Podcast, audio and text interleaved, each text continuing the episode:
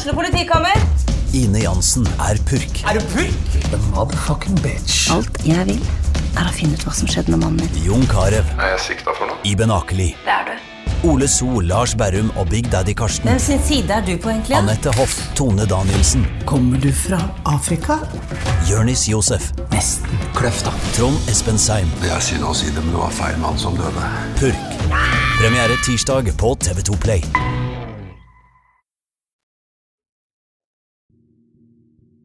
Det er mandag 23. august 1993. Klokka 19.30 får politiet i Kiruna en telefon. Den kommer fra Per Johansson. Han var med faren sin, Lennart Johansson, som var fører på turistbåten på Tornetresk.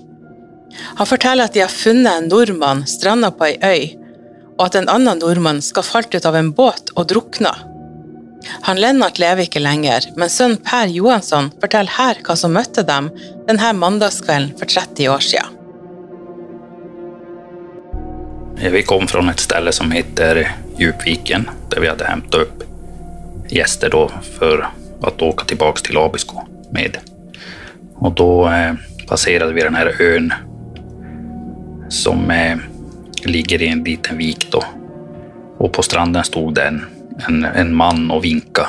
Och min far tyckte det såg så märkligt ut. Även om man brukar hälsa på varandra och så vidare. Men han vinkade på ett sånt sätt så det var som inte en hälsning. Det var liksom noe mer. Han, vill, han ville noe. Og det her var jo dock før mobiltelefonernas tid. Så eh, vi vendte rundt, gikk i land på denne här og spurte hva han ville egentlig. Og da begynte han berette at ja, de hadde hatt eh, ja, bekymmer med sine hunder og telt, og, og at hans kompis hadde drukna eller ramla i vattnet. Ikke at han hadde drunknat, han hadde ramla i vattnet og de han hadde ikke hade inte han och, och så vidare. Så vi eh, sa att vi säger väl till när vi kommer tilbake till Abisko.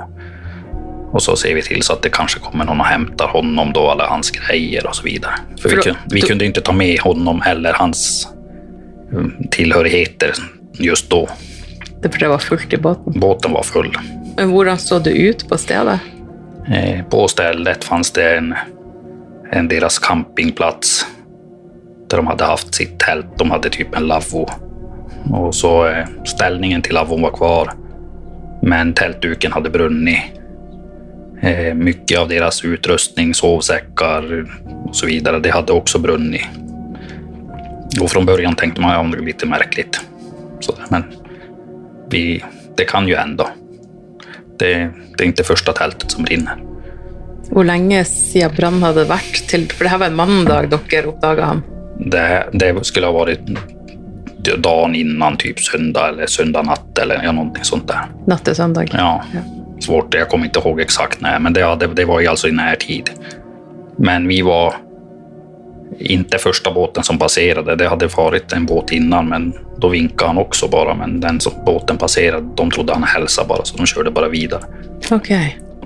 Og for denne øya den ligger så langt fra land at man, hvis man ikke har båt, så kommer man seg ikke bort derfra.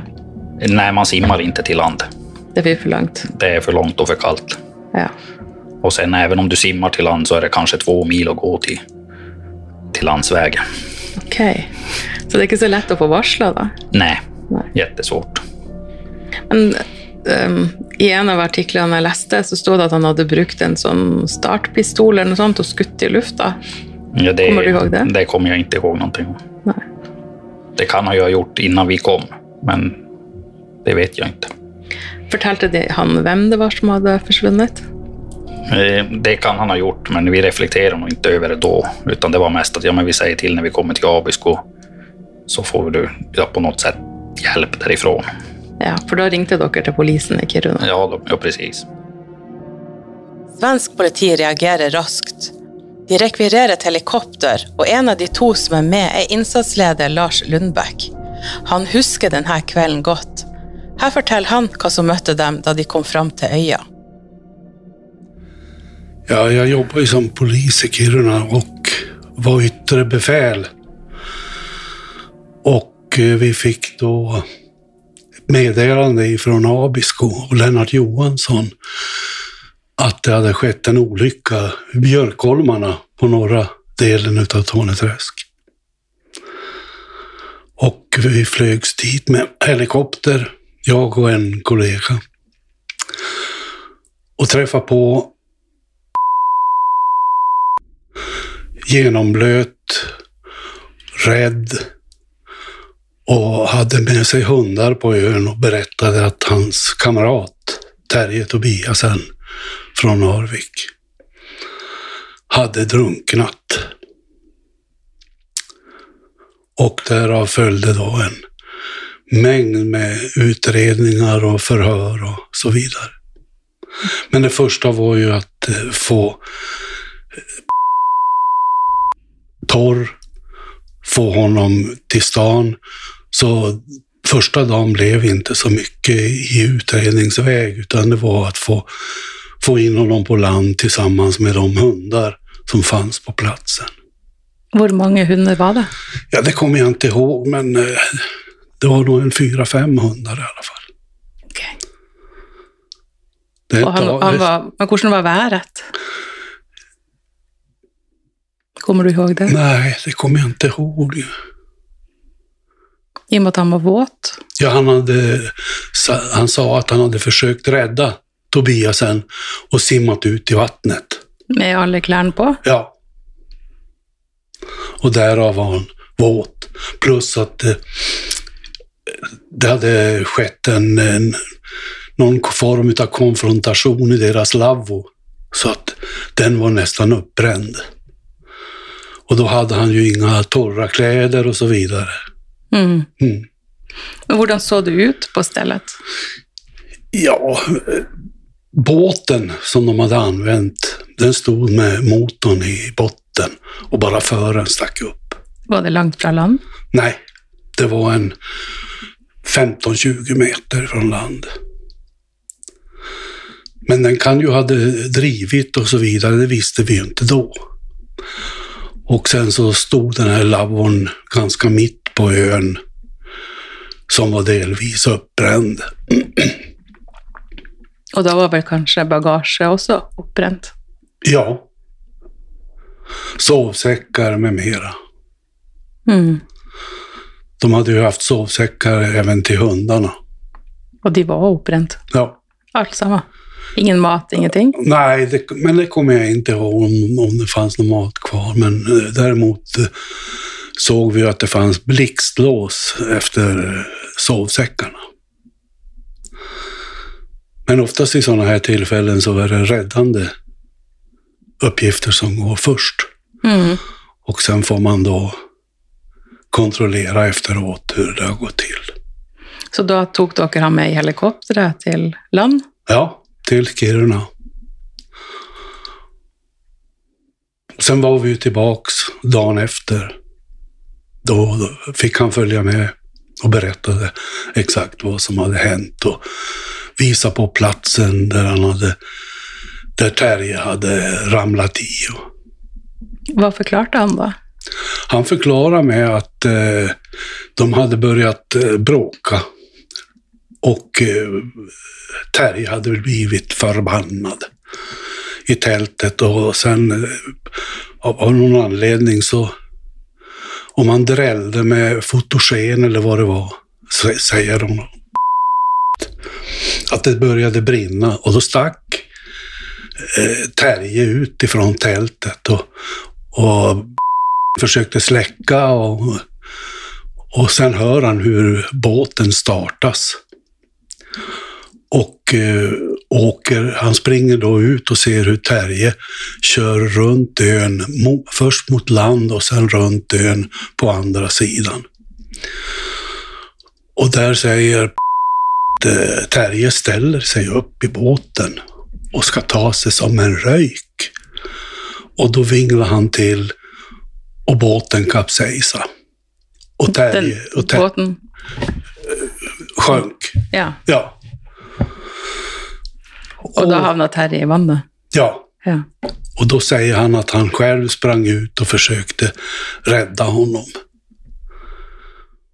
I detalj kommer jag inte ihåg nu hur, hur långt han kom ut, men det var hans historia, men att han var tvungen att släppa honom och simma tillbaks för att klara sig själv. det märkliga var ju att båten var ju inte där han beskrev den. Nei, den var en annen plass. Ja, det var en annan plats. Tanken var väl kanske lite grann att den kan ha drivit med vattnet och vinden. Men när man undersökte platsen där så såg man inte några hack i botten efter att motorn då skulle ha studsat, utan den hade fastnat. Och fra från där båten stod, ja 15 meter från land, 15-20, så hittade man ena socka och en, en klocka, jag för mig, som tillhörde Fant du noe spor etter Terje der? Nei. Nei. Ingenting? ingenting. Men det var snakk om noen støvler. Hvem de var sine? Ja, det kommer jeg ikke ihåg. I fremover så skrev jeg at det var funnet noen støvler i nærheten av båten, som sto på bunnen av vannet. Ja, det er mulig, men det er noen ting som har farit vei efter 30 år. Ja, det er lenge siden. Ja. Fremover har fått tilgang på en del etterforskningsmateriale fra svensk politi. Her er det annet det som kalles en anmeldelse. Den er datert 23. august 1993 klokka 19.35 og er ført i penna av nettopp inspektør Lars Lundbekk. Her står det at finnmarkingen og Terje Tobiassen dro sammen til den nordre sida av Tornetresk med en båt fra Tornehavn. De skulle opp for å trene sine fem pointerhunder i forkant av rypejakta. De dro ut på innsjøen med en ca. fire meter lang plastbåt, og den hadde en fire hestekrefter stor Jonsson utbordsmotor. De slo seg ned på den nordligste av øyene og satte opp en lavvo midt på øya. Noen setninger er sladda, og så står det at de gikk og la seg lørdag morgen. Flere setninger er sladda, og så står det at finnmarkingen opplyste at han la seg ved ett-tida søndag morgen. Ved tre-fire-tida våkner han opp av hundene bjeffer, og han ser at det brenner i teltet. Han fikk ut hundene og forsøkte å slite bort det som brant av teltduken og slukke ilden. Så hører han at Terje starter båten som lå ved stranda, og ser at Terje kjører med båten rundt øya. Han springer for å se hvor han tar veien. Det står videre at han ser at han Terje stiller seg opp i båten, den er nå ca. 50 meter fra øya. Båten går så rundt, Terje faller i vannet, og han ser at han Terje holder seg fast i ei line som er festa til båten. Båten ligger nå opp ned i vannet, med fronten over vannlinja. Videre så står det at finnmarkingen forklarer at han forsøker å få med seg hundene ut av han Terje, at han fikk med seg én hund ut i vannet, men at hunden var kjapp med å vende tilbake mot land. Finnmarkingen begynner så å svømme ut mot Terje. Han opplyser at han klarte å få av seg støvlene og en jakke mens han tok seg frem. Dette skjer i vannet mens han svømmer. Når han kommer frem, så lar han seg til å hvile litt i fronten på båten, samtidig som han holder tak i Terje i kragen på jakken hans. Han forklarer videre at han ropte til han Terje at han må holde seg fast i båten, og at Terje da skal ha svart 'vi klarer det her'. Så er et helt avsnitt sladda. Det neste som står, er at finnmarkingen ble funnet av en som kjørte forbi med sin båt, og det var altså båten Per Johanssons far førte. Det står også at finnmarkingen ikke hadde med seg mobiltelefon eller noe annet kommunikasjonsradio, sånn at han kunne tilkalle hjelp. Fremover har gjentatte ganger søkt svensk politi om innsyn i avhørene med nordmannen. Det har vi fått avslag på. Det er kun den opprinnelige meldinga vi har fått tilgang til, og noen rapporter fra da politiet kom til stedet. Vi må derfor forholde oss til hva han sjøl fortalte i et intervju i Fremover til journalist Per Helge Berg den 26. august 1993. Det er bare dager etter at han Terje forsvant, og finnmarkingen som var med Terje på den turen, er i dag død. Vi er derfor avhengig av skriftlige kilder for å få formidla hans syn på saken. Og fordi han er død og ikke kan forsvare seg, så velger vi å ikke bruke navnet hans. Han var 32 år da dette skjedde, og vi vil derfor kalle han for 32-åringen eller finnmarkingen, for han var opprinnelig fra Finnmark. Til fremover sier han blant annet at han satte sitt eget liv på spill for å redde jaktkameraten Terje Tobiassen fra å drukne, men av 20 meter fra land så tok kreftene slutt. og for å overleve sjøl så måtte han slippe taket og se kameraten forsvinne i det kalde vannet. Da 32-åringen snakka med tidligere fremoverjournalist Per Helge Berg, var han tydelig prega av hendelsen. Det står at han skjelver på hendene og har rødsprengte og triste øyne. Jeg har nesten ikke hatt blund på øynene, det er samvittigheten som plager meg, forteller han, og sier at han bebreider seg sjøl for at han ikke klarte å berge han Terje. Han forteller at han ble venn med Terje gjennom en felles interesse for jakt og hund, og at han har kjøpt en hund fra Terjes kennel. Det var for å lære mer om kombinasjonen hund og jakt at jeg ble med han til øya. Her kunne hundene løpe fritt omkring, forteller han. 32-åringen sier at de møttes fredag ettermiddag i Tornehamn. De dro ut til øya med båt. Det var en 15 fot stor, og den hadde fire hestekrefters motor. De hadde med fem hunder og stor oppakning, og det var rimelig fullt i båten. Han forteller at oppholdet ble så vellykka som forventa, men at det natt til søndag skjedde noe. Ved tretida var det branntilløp i teltet.